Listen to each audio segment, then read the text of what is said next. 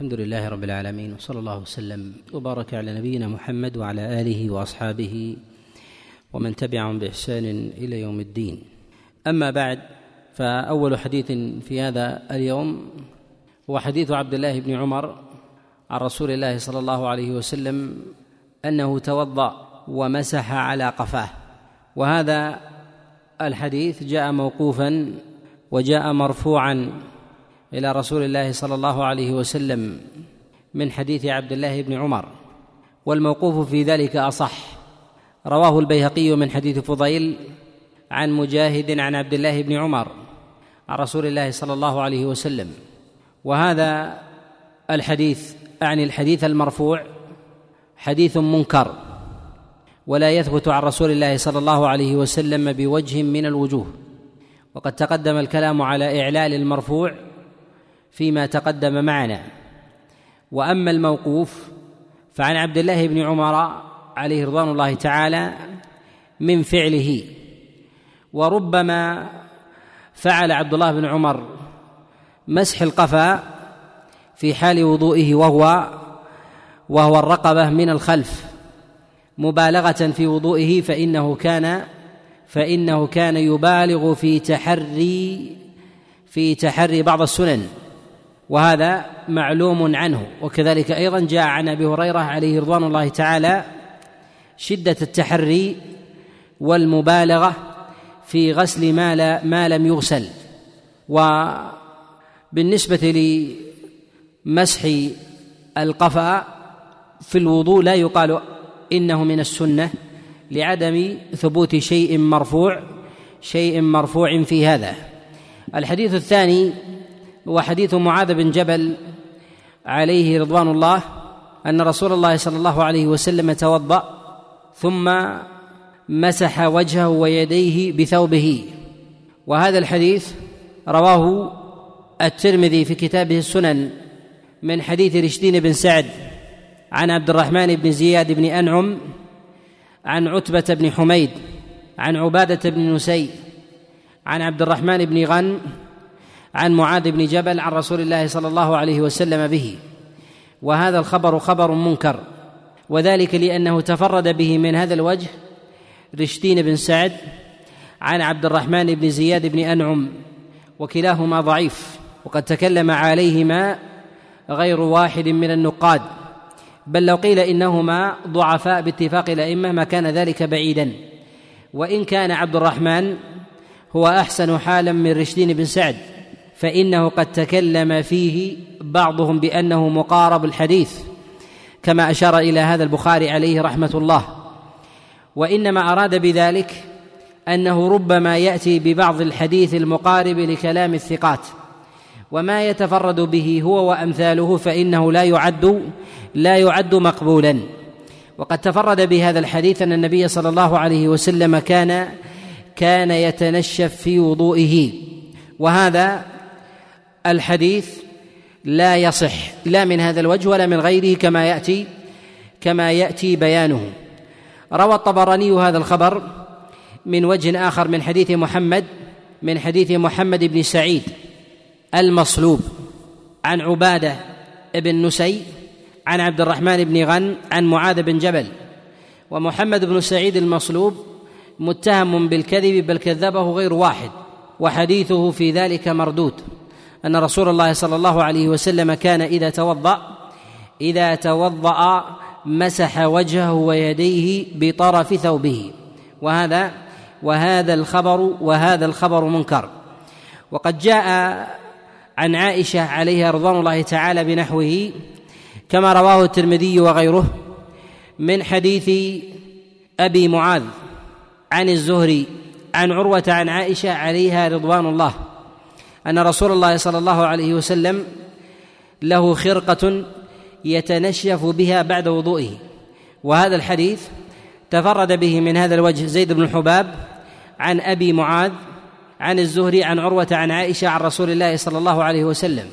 وأبو معاذ هو سليمان بن الأرقم وقد ضعفه غير واحد من الأئمة ولا يحتج به بل هو واهي الحديث. وقد وهم في ذلك الحاكم كما في كتابه المستدرك. كما في كتابه المستدرك. فظن أن أبا معاذ هو الفضل ابن موسى وليس كذلك. وقد قواه بعضهم والصواب في ذلك أنه سليمان بن الأرقم. وسليمان بن الأرقم قد تكلم عليه غير واحد وهو مضعف. وقد نص على أن هذا الحديث قد تفرد به سليمان بن الأرقم الترمذي كما في كتابه السنن وأعله به. وكذلك ابن عدي والدار قطني والبيهقي وغيرهم على أن هذا الحديث من مفاريد سليمان ابن الأرقم. وهنا مسألة في أمور تمييز الرواة وهو أن طالب العلم إذا وقع له في حديث اختلاف في أبواب الرواة. وذلك أن الأئمة إذا أشاروا إلى أن هذا الراوي هو فلان وأشار آخرون إلى أنه إلى أنه فلان. يقع لديه شيء من الاضطراب فيحتاج في ذلك إلى التمييز. تمييز الرواة في الأسانيد يحتاج طالب العلم إليه إلى إلى طرق حتى يميز. الطريقة الأولى أن ينظر في ذلك إلى الشيوخ أن ينظر إلى الشيوخ. وإذا نظرنا إلى شيوخ أبي معاذ في هذا الحديث نجد شيو أن شيخه في ذلك هو الزهري محمد بن شهاب الزهري. ونجد أن تلميذه في ذلك هو زيد بن الحباب. وإذا أردنا أن ننظر إلى سليمان بن الأرقم نجد أن العلماء ذكروا في الرواة عنه زيد بن الحباب وأن من شيوخه محمد بن شهاب الزهري. وأما بالنسبة لما ذكره الحاكم في كتابه المستدرك فلم يذكر العلماء أن من شيوخه الزهري. الطريقة الثانية أو الوسيلة الثانية ويعضد بعضها بعضا النظر إلى التلاميذ. النظر إلى التلاميذ. فإن الشيوخ قد يتفقون على راوي من الرواة. فيروي الراوي عن شيخ ويشاركه في ذلك ذلك الشيخ ذلك التلميذ أيضا. فيكون كل من وصف عن أنه في هذا الحديث هو فإنه ربما يروي عن ذلك الشيخ فيتحدان بالرواية عنه. وتمييز ذلك بعد ذلك ينظر إلى إلى التلاميذ. فإن اتفقوا في التلاميذ فما هي الوسيلة في بعد ذلك؟ الوسيلة في هذا وهي الطريقة الثالثة أن ينظر إلى المكثر منهم إلى المكثر إلى المكثر منهم. تسبر مرويات الراوي آه الذي اتفق وغيره بالرواية عن شيخ واتفق أيضا تلاميذه بالرواية عنه. ينظر إلى أيهم أكثر أخذا عن الشيخ وأيهم أكثر أخذا التلميذ عنه. فتصبر هذه المرويات. فإذا كان لأحدهما مئة حديث وللثاني عشرة فأيها يغلب يغلب على الظن صاحب المئة أو صاحب العشرة. صاحب المئة لأنه من المكثرين. وأما صاحب العشرة فإن الأئمة إذا رووا عن مقل اشترك مع غيره اشترك مع غيره في الإسناد يميزونه لأن الأصل أن الرواية هي رواية المكثر والعلماء يسكتون عن رواية المشهور المكثر ولا يسكتون عن رواية المقل إذا اشترك معه مكثر حتى حتى لا يختلط على النقلة في ذلك. حتى لا يختلط على النقلة في ذلك. الطريقة الرابعة أن ينظر إلى المتون. أن ينظر أن ينظر إلى المتون. معنى النظر إلى المتون بعد السبر مرويات الرواة الذين اشتركوا بالرواية عن شيخ والرواية رواية التلاميذ عنهم ينظر في المتون التي يرويها هؤلاء. فغالبا نجد أن بعض الرواة يميل إلى نوع من المتون. بعضهم يروي إلى الأحكام وبعضهم مثلا في الأحكام له نفس معين يروي أبواب مثلا الطلاق أبواب العقود أبواب العبادات ونحو ذلك. فإذا سبرنا مرويات الراوي غلب على الظن أننا نستطيع أن نميز مرويه هذا عن مروي غيره عن مروي غيره. وإذا جاء وإذا استطعنا بذلك التمييز فإننا ربما نستطيع أن نرجح إذا انفصل عنه أو عن مشاركته بالمتون غيره. فإذا كان الراوي مثلا يروي باب معين والراوي الآخر لا يشاركه في ذلك فإننا نستطيع في التمييز في هذا. وأما إذا شاركه فيه فإذا كان مثلا يروي في أمور العقود ولا يخرج عنها وذاك يروي أيضا في أبواب ومنها العقود ومنها العقود فإننا نغلب في ذلك الأكثر فإننا نغلب الأكثر. فإذا كان المتن لدينا مثلا في أمور الطهارة إشارة إلى أن الراوي ينبغي أن يكون من أهل الاهتمام في أمور العبادات من أمور العبادات.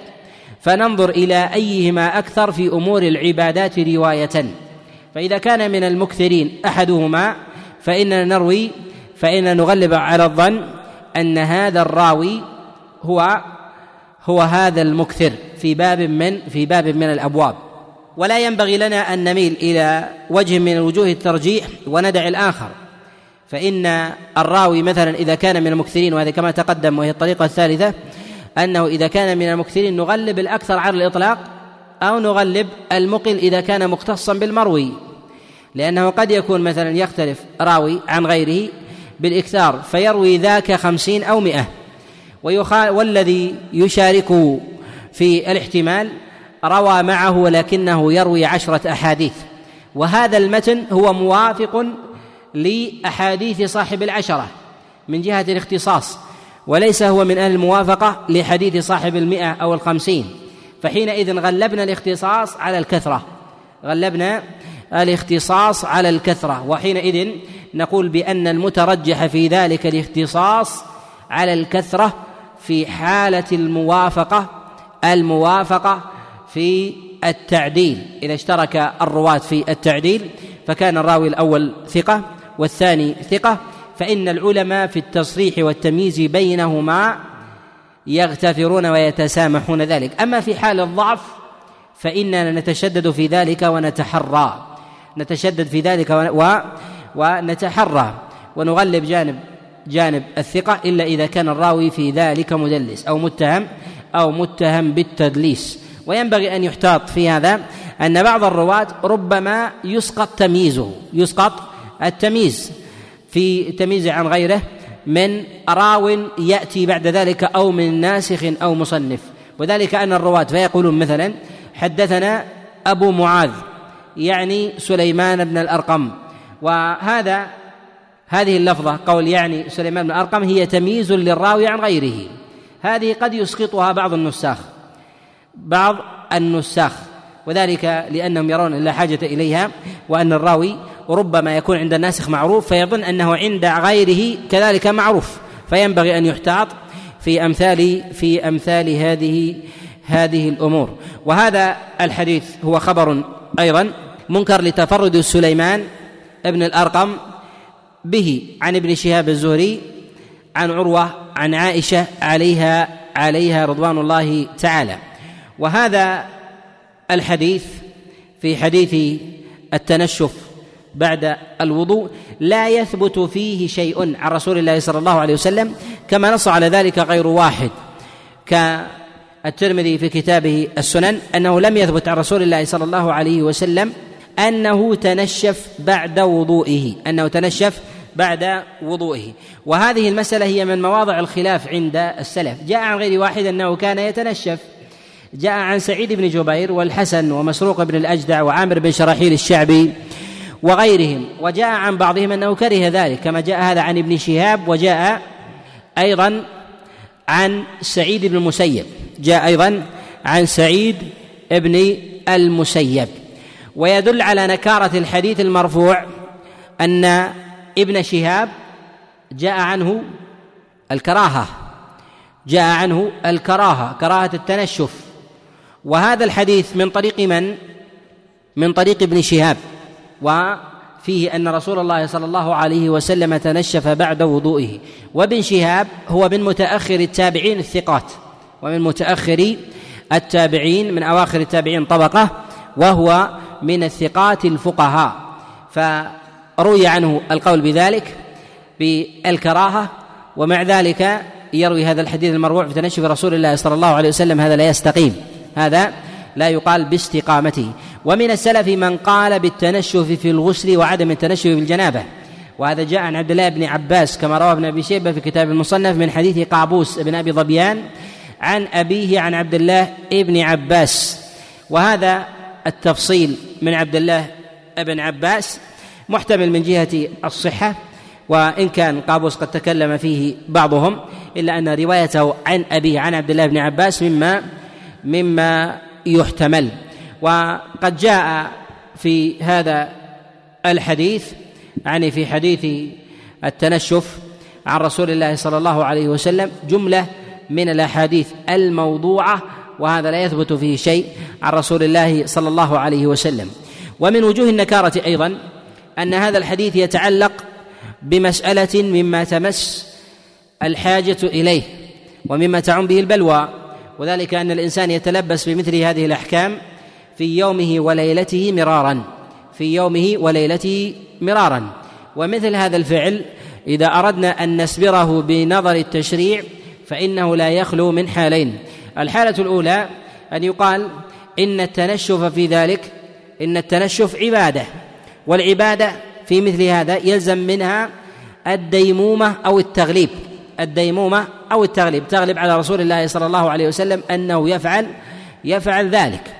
وذلك أن النبي صلى الله عليه وسلم إذا فعل سنة أدامها أو غلبت عليه فتركها عرضا حتى لا يقال لا يقال بوجوبها. وهذا هو الأغلب في الأفعال الذاتية بخلاف بخلاف السنن المتعدية. فالتزام رسول الله صلى الله عليه وسلم متعلق بالحاجة.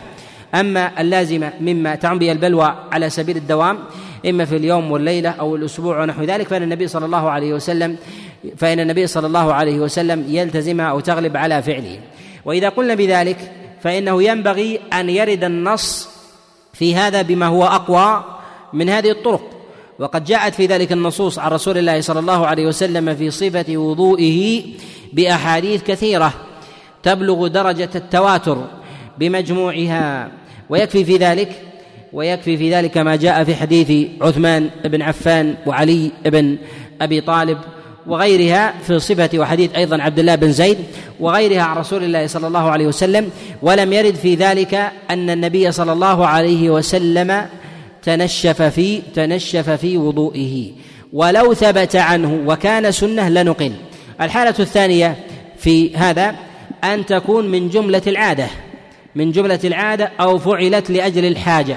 والعادة والحاجة لا تدخل في باب التعبد ولا تنقل من غير بيان بيان المقتضي لها. وذلك أن الذي يتنشف بعد وضوئه احتمال أن يكون فعله ذلك لأجل برد. وذلك أن الإنسان إذا توضأ في حال الشتاء وأراد أن يخرج من داره فإنه يتنشف حتى حتى لا يتضرر من برودة من برودة الجو فربما فعل رسول الله صلى الله عليه وسلم ذلك على سبيل الاعتراض.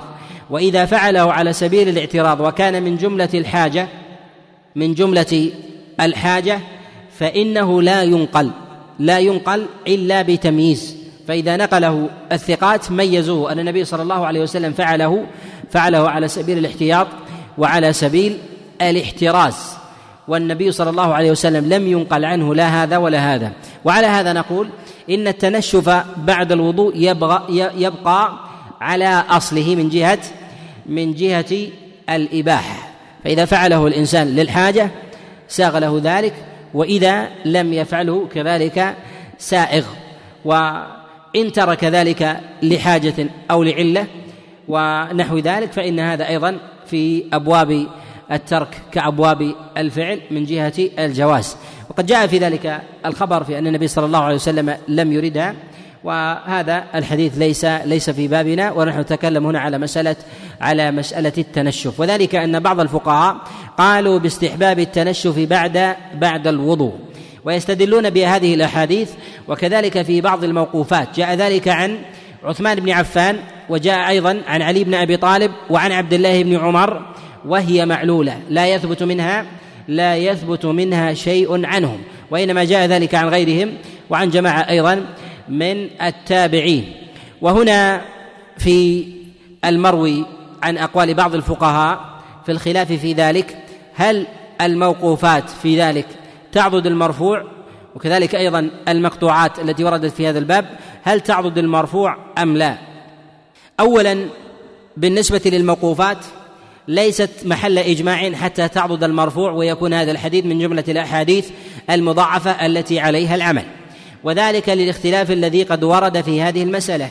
فإن جماعة من السلف قالوا بجواز المسح وهذا مروي عن سعيد بن جبير ومسروق بن الأجدع والحسن البصري وعامر بن شرحيل الشعبي وغيرهم. وجماعة قالوا بكراهة ذلك. وهذا مروي وهذا مروي عن ابن شهاب الزهري وعن سعيد بن المسيب ومروي أيضا عن أصحاب عبد الله بن مسعود كما رواه عنهم إبراهيم النخعي قال كانوا يكرهون التنشف بعد الوضوء والمراد بذلك أصحاب عبد الله بن مسعود فإن إبراهيم النخعي إذا روى إذا روى حكاية وقال وكانوا يفعلون أو كانوا يتركون فالمراد بذلك هم أصحاب عبد الله بن مسعود كما كما لا يخفى كما نص على ذلك كما نص على ذلك هو بنفسه كما روى ابن أبي خيثمة في كتابه التاريخ من حديث الأعمش عن إبراهيم عن إبراهيم النخعي. وأصحاب عبد الله بن مسعود هم أهل الكوفة كعلقمة وكذلك الأسود وأبي الأحوص وغيرهم من فقهاء من فقهاء الكوفة. على هذا نقول إن القول بالسنية وعض المرفوع بالموقوف والمقطوعات فيه نظر وذلك لضعف لضعف الموقوف بمجموعه وكذلك للخلاف الوارد أيضا في المقطوعات.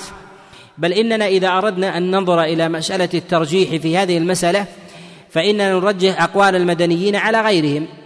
فإن سعيد بن المسيب وابن شهاب من رؤوس الفقه في المدينة من رؤوس الفقه في المدينة. والذين خالفوهم في ذلك هم من أهل الكوفة وأهل البصرة وأحد علماء الحجاز وأحد علماء الحجاز. وذلك أنه مروي أنه مروي عن سعيد بن جبير ومروي أيضا عن عطاء. والغالب في مثل هذه الأحوال الغالب في مثل هذه الأحوال خاصة العملية التي تنقل أن ينظر إلى عمل أهل المدينة لأن النقل عنهم أوسع. ولدينا في نقل الرواية لدينا في نقل الرواية وهذا أمر ينبغي أن يلتفت إليه أمران الأمر الأول نقل قولي. نقل قولي. وهذا هو الملموس والموجود في كتب في الكتب المصنفة والذي يعزى يعزوه الراوي عن عن شيخه وهكذا. الثاني هو عزو بالأفعال وبالأفعال من غير من غير قول. وهذا أضعف من الأول. فالقول أصرح. والفعل في ذلك ضعيف.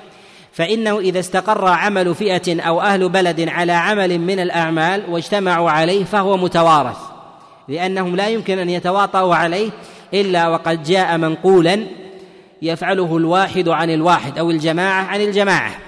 لهذا العلماء ينظرون إلى القوادح في الأفعال ومن أبع ومن أظهر القوادح في الأفعال هو تغاير البلد تغاير البلد. لأن أهل الكوفة لا يمكن أن يرثوا الفعل عملا ويتواتر لديهم عن أهل مكة من غير أن ينقل قولا. من غير أن ينقل قولا. لأنه لو كان في أهل الكوفة وصل إليهم لا بد أن يصل إليهم عن طريق قول.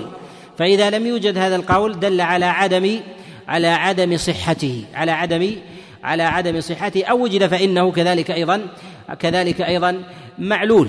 وأما بالنسبة للبلد الواحد فقد لا يوجد القول ويوجد النقل من جهة العمل فيتوارثون في ذلك فيتوارثون في ذلك من جهة من جهة العمل. لهذا نقول إن ما يتوارث فيه من جهة العمل سواء في أمور الصلاة أو من أمور الطهارة وأشباهها ينظر إلى أهل المدينة إلى أهل المدينة. وهذا في بعض الأبواب. كذلك أيضا مما يترجح في أهل المدينة على مكة في أمور المزارعة في أمور المزارعة لأن أهل مكة ليسوا ليسوا بأهل بأهل تجارة. ولهذا ولهذا سفيان لما قال ليحيى قال له إن أهل مكة يروون حديث العرايا يروون حديث العرايا. قال وما يدري أهل مكة بالعرايا؟ أهل مكة يروونه عن من؟ عن جابر عن جابر بن عبد الله يعني يسمعون بالعرايا بالعرايا سمعا والتمر يجلب إليهم يجلب إليهم جلبا. لهذا ترجح أمثال هذه القرائن عمن عن أهل المدينة وقولهم أولى من قول غيرهم. لهذا ينبغي لطالب العلم في حال وجود المخالفة أن ينظر إلى الرواة في الإسناد والبلد وأن ينظر أيضا للمتن حتى يترجح حتى يترجح لديه شيء شيء في في ذلك. الحديث الرابع حديث أبي هريرة. حديث أبي هريرة. أن رسول الله صلى الله عليه وسلم توضأ وقال إن الحلية تبلغ من المؤمن مبلغ الوضوء فمن استطاع منكم أن يطيل غرته فليفعل.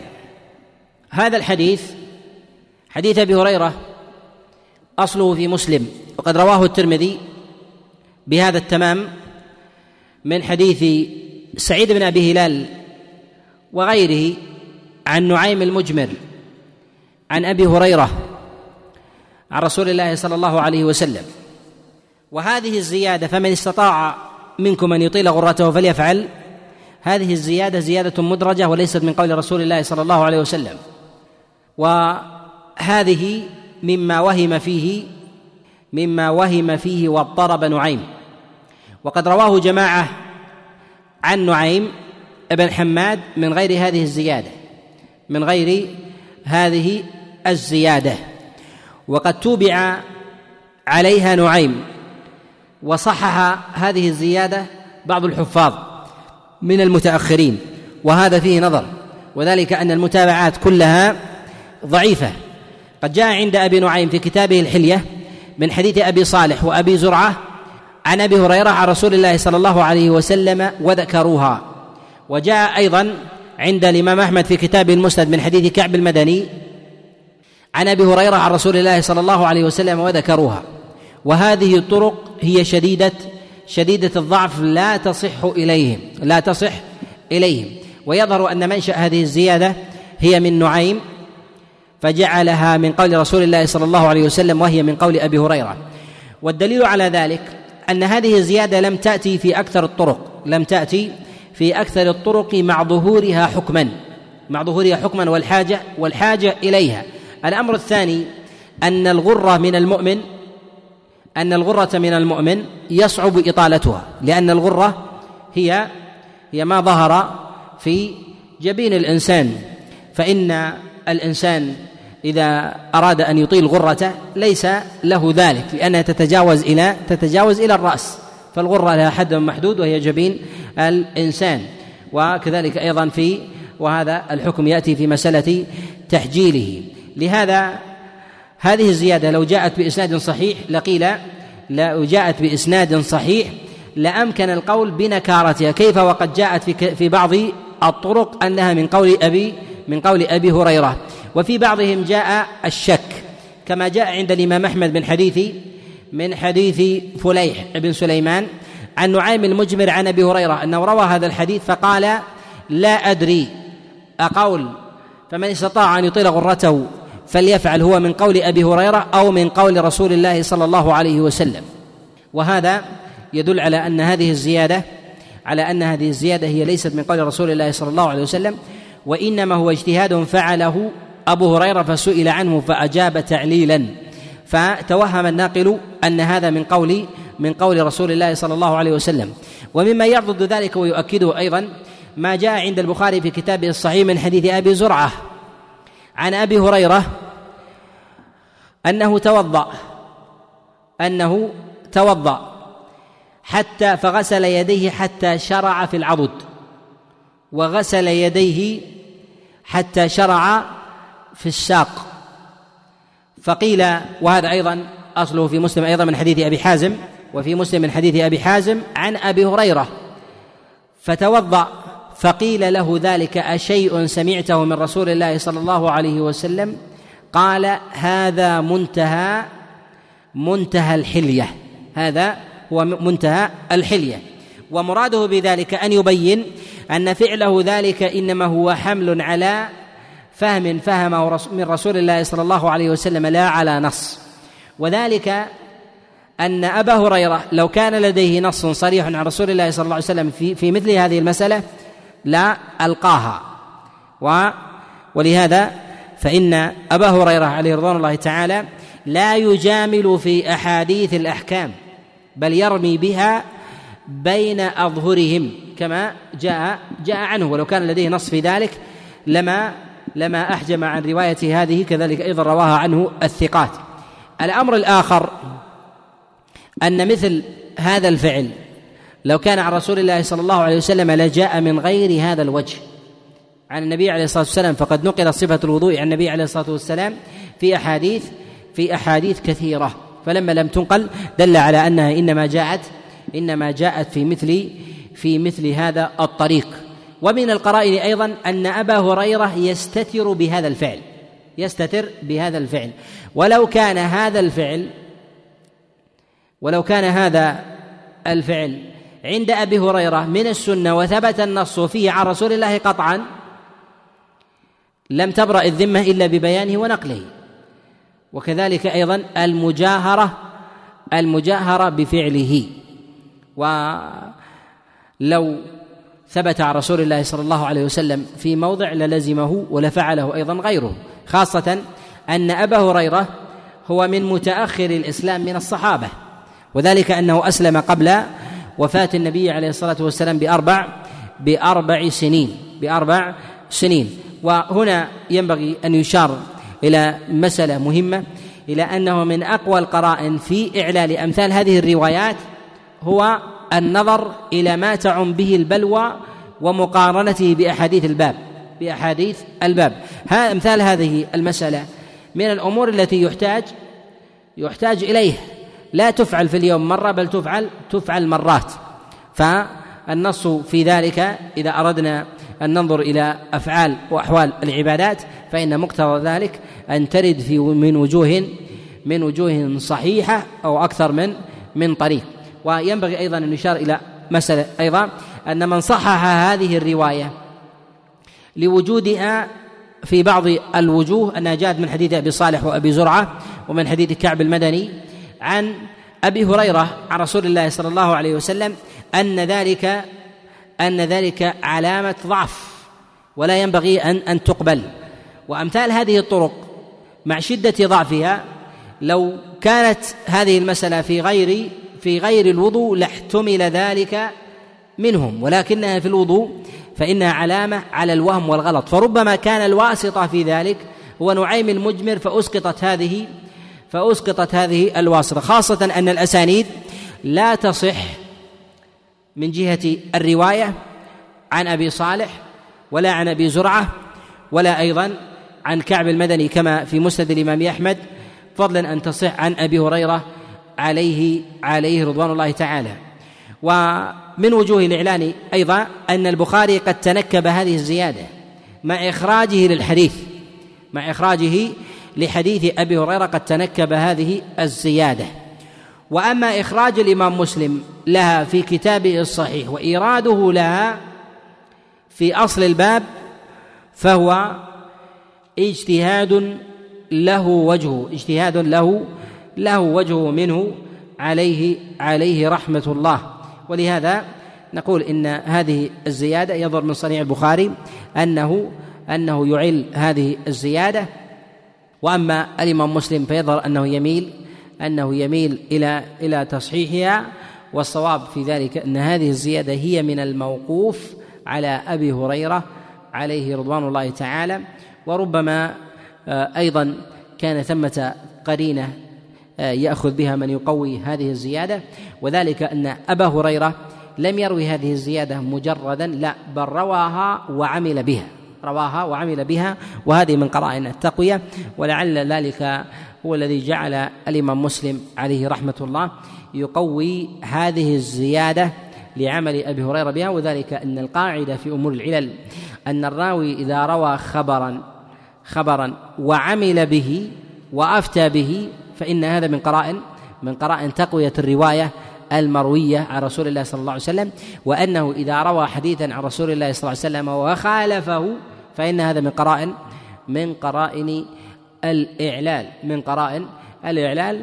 كذلك أيضا من الأمور التي قد يقال بترجيحها أنه جاء عن بعض السلف بعد أبي هريرة أنه عمل بهذه الزيادة وغسل اليدين إلى الإبطين وكذلك أيضا الرجلين إلى الساقين وهذا من مسائل الاجتهاد. هذا من مسائل الاجتهاد. ولو كان سنة لفعله رسول الله صلى الله عليه وسلم ولو ولو مرة. وصنيع البخاري عليه رحمة الله في تنكبه للطريق الذي أورده الإمام مسلم واعتماده ما هو أصح من ذلك في حديث أبي هريرة كرواية أبي زرعة عن أبي هريرة وغيره إشارة إلى أن الطريق الذي تفرد به نعيم ان انه أنه الطريق هو موضع الوهم والغلط في هذا.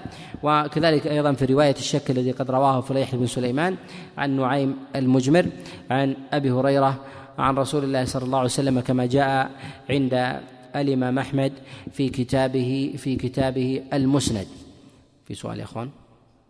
نعم. لا. ما عندهم شيء يتنشفون فيه. ما في هدوم. أحيانا النبي عليه الصلاة والسلام يقول أو كل واحد يجد منكم ثوبين؟ يعني ما لاحد ثوب واحد. كيف تبغى مناشف؟ تبغى مناديل؟ وتبغى لما جتهم مناديل المناديل عجبوا منها قال أتعجبون؟ إن مناديل سعد خير من هذا في الجنة. فضعف اليد والقلة لها أثر في العلل الترك إذا كان الإمكان موجود.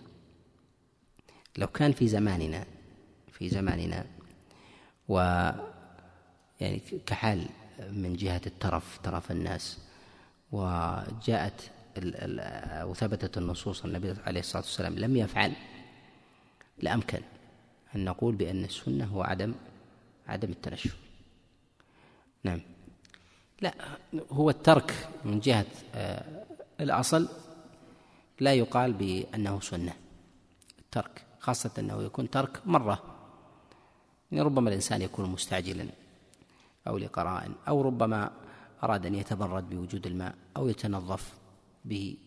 يعني قرائن قرائن كثيرة تدفع. أنه لو وجد نصوص كثيرة في هذا أن في الترك لا يمكن القول بالسنية لأن هذا الفعل يحتاج إلى إلى نصوص كثيرة ويحتاج أيضا إلى عمل السلف. والتنشف الوارد عن السلف أكثر من الترك. ولو كان سنة واستدلوا بهذا لا لقيل بإمكان بإمكان آه، القول بهذا الحديث. في سؤال يا أخوان؟ نعم. في مسلم في صحيح مسلم من حديث أبي حازم عن أبي هريرة. نعم. هذا تكلمنا عليه الآن وسال عنه الأخ. نأخذ حديث في هذا نختم به في حديث عقبة وعمر. لما توضأ رسول الله صلى الله عليه وسلم ف قال أشهد أن لا إله إلا الله وأشهد أن محمد رسول الله. اللهم اجعلني من التوابين واجعلني من المتطهرين.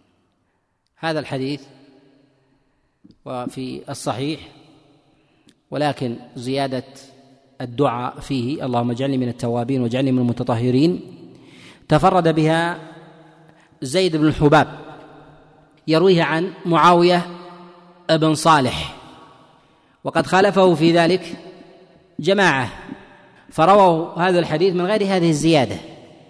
رواه عبد الرحمن بن مهدي وعبد الله بن وهب والليث بن سعد كلهم عن معاوية بن صالح ولم يذكروا هذه الزيادة ولم يذكروا هذه الزيادة فدل على نكرتها. وقد تنكبها الإمام مسلم في كتابه الصحيح. فإن الحديث أخرجه الإمام مسلم في كتابه الصحيح من حديث عبد الرحمن بن مهدي عن معاوية بن صالح ولم يذكر هذه الزيادة. ولو كانت مرتبطة بالشهادتين وفعلها رسول الله صلى الله عليه وسلم لاحتاج إلى إلى النقل.